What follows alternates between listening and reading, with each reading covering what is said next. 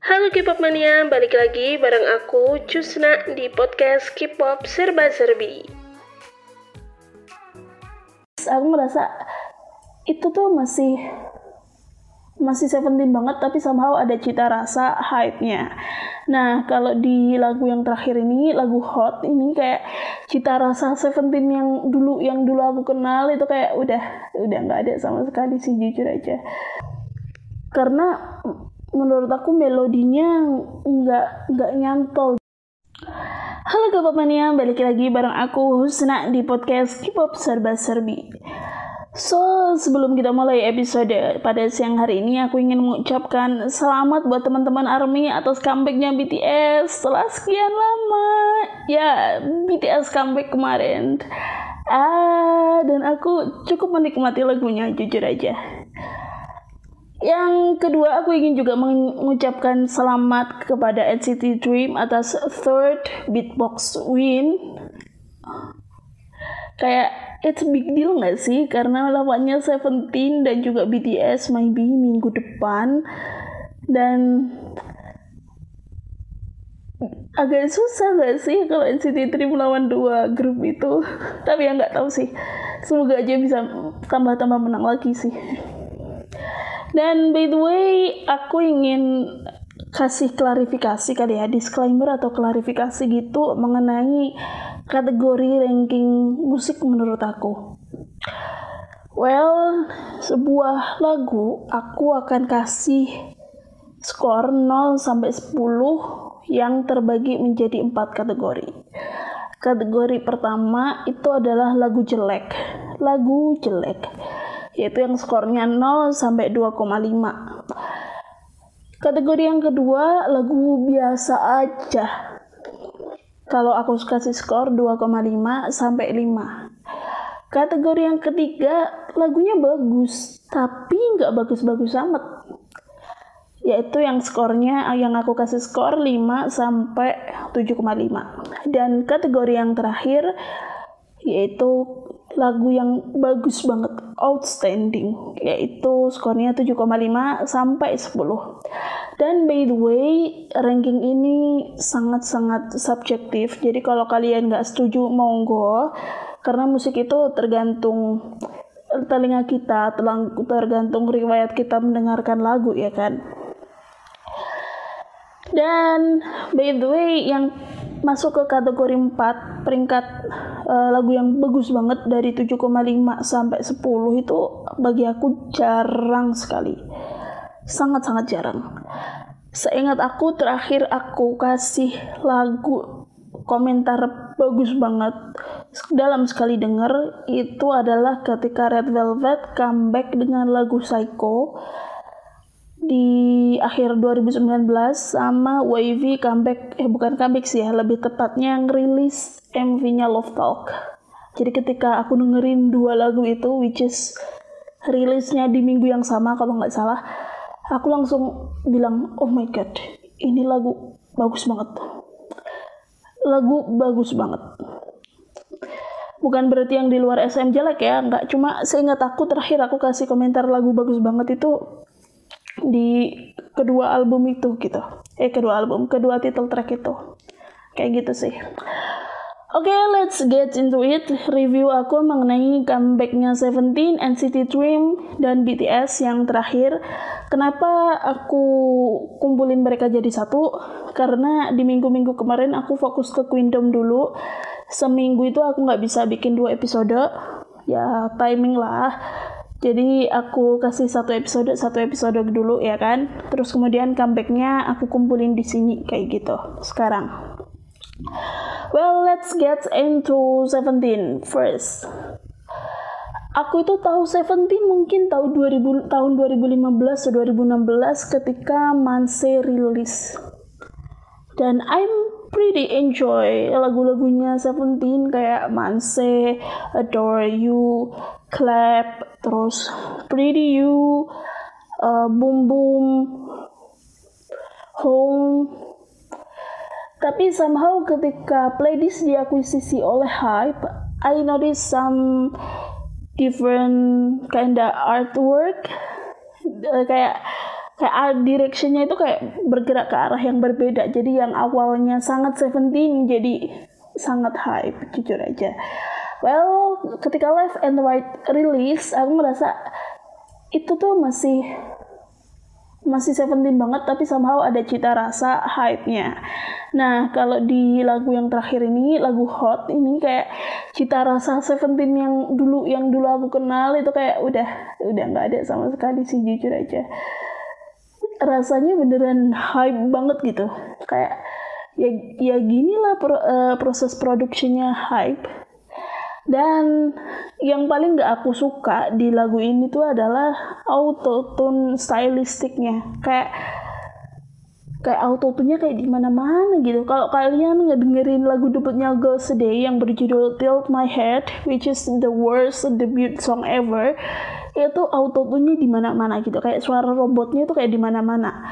Dan menurut aku itu berlebihan gitu. Nah di lagunya Seventeen Hot ini auto tune kayak gitu. Ada di mana-mana. Ya walaupun untuk tujuan stylistik sih ya.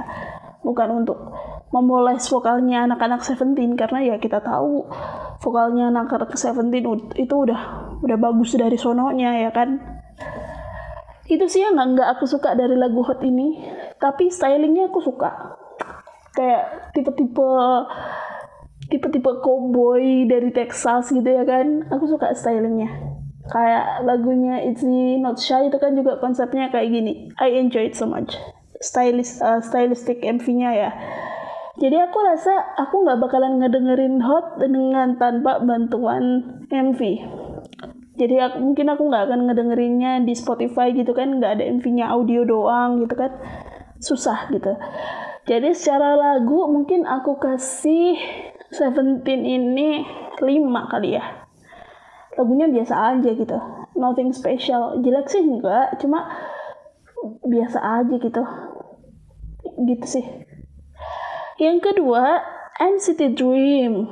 Well, kalau kalian ngedengerin podcast K-pop serba-serbi sejak lama, kalian pasti notice kalau I love the NCT Dream a lot. Tapi itu bukan berarti uh, membuat aku kasih review positif terus untuk lagu-lagu mereka ya. Enggak juga, jujur. Aku ngerasa lagu uh, bukan lagu sih, lebih tepatnya album Beatbox sama Glitch Mode itu sedikit lebih kurang daripada uh, album Hot Sauce dan Hello Future tahun lalu. Tapi bukan karena albumnya jelek nggak, cuma Hello Future dan Hot Sauce it's too good. Beneran bagus. Jadi ketika mereka merilis album baru terus lagunya ada yang nggak nyontok nyantol di telinga aku aku ngerasa ini agak ada penurunan sih. Kayak gitu sih. Well tapi menurut aku beatbox lebih baik daripada glitch mode. Uh, lebih solid aja gitu. Lagu modelan beatbox ini adalah lagu yang akan aku dengerin walaupun tanpa MV gitu tanpa bantuan MV. Mungkin karena aku pribadi sangat terpapar dengan lagu-lagu tahun 90-an ya, kayak lagunya Westlife, uh, terus kemudian lagu-lagu Indonesia zaman itu, lagunya Mei, lagunya Dewa 19, kayak gitu Peter Pan. Jadi musik-musik kayak gini tuh nyantol banget gitu di telinga aku.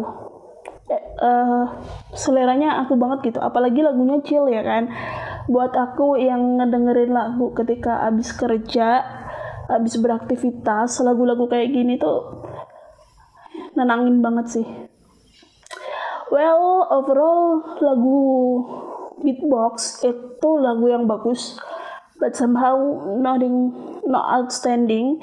Jadi aku kasih skor 7,5 kali ya. Nggak nggak outstanding tapi bagus.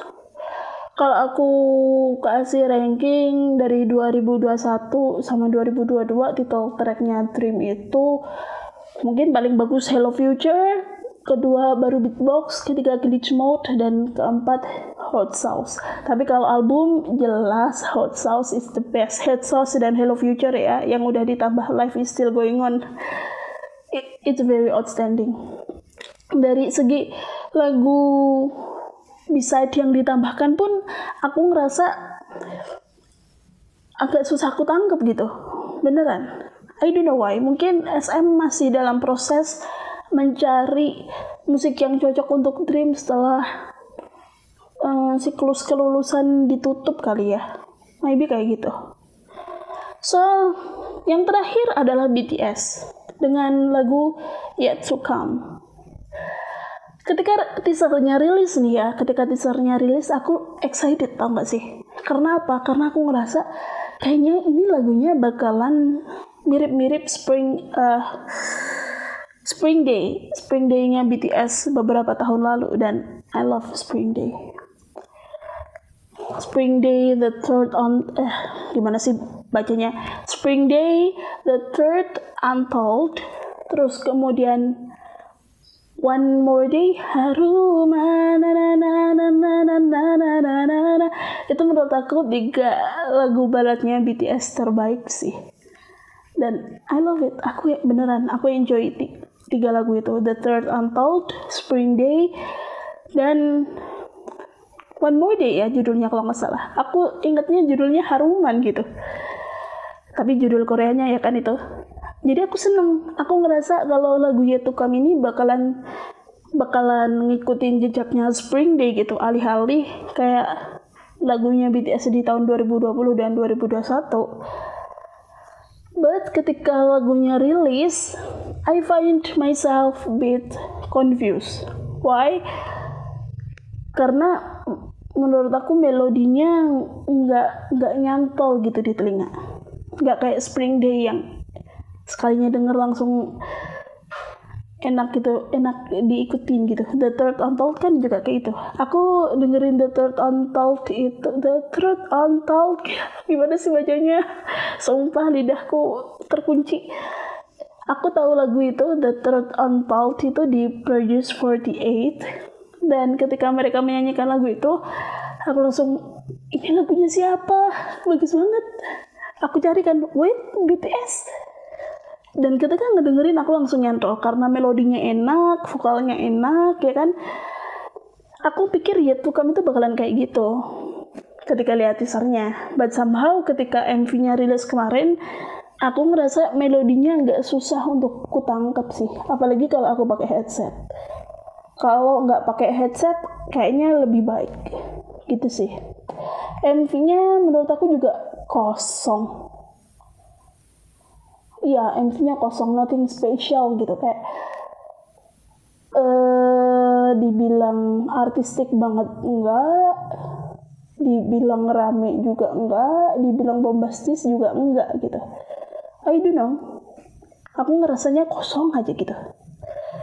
But karena aku cukup menikmati lagu Yet to ini aku kasih skor comebacknya BTS kali ini itu 6,5 lagunya lumayan nggak outstanding juga tapi dibilang biasa aja juga enggak kayak gitu. Jadi ya segitu cukup kali ya. Itu sih okay, it's already 30 minutes buat teman-teman yang belum follow K-pop serba serbi follow dulu ya di Instagram K-pop serba serbi. Twitter juga K-pop serba serbi baru aku buka. Terus kemudian di Noise juga K-pop serba serbi. Di Spotify juga K-pop serba serbi. Share, like, and subscribe podcast ini buat ngedukung aku biar bisa seminggu dua episode. Bye-bye.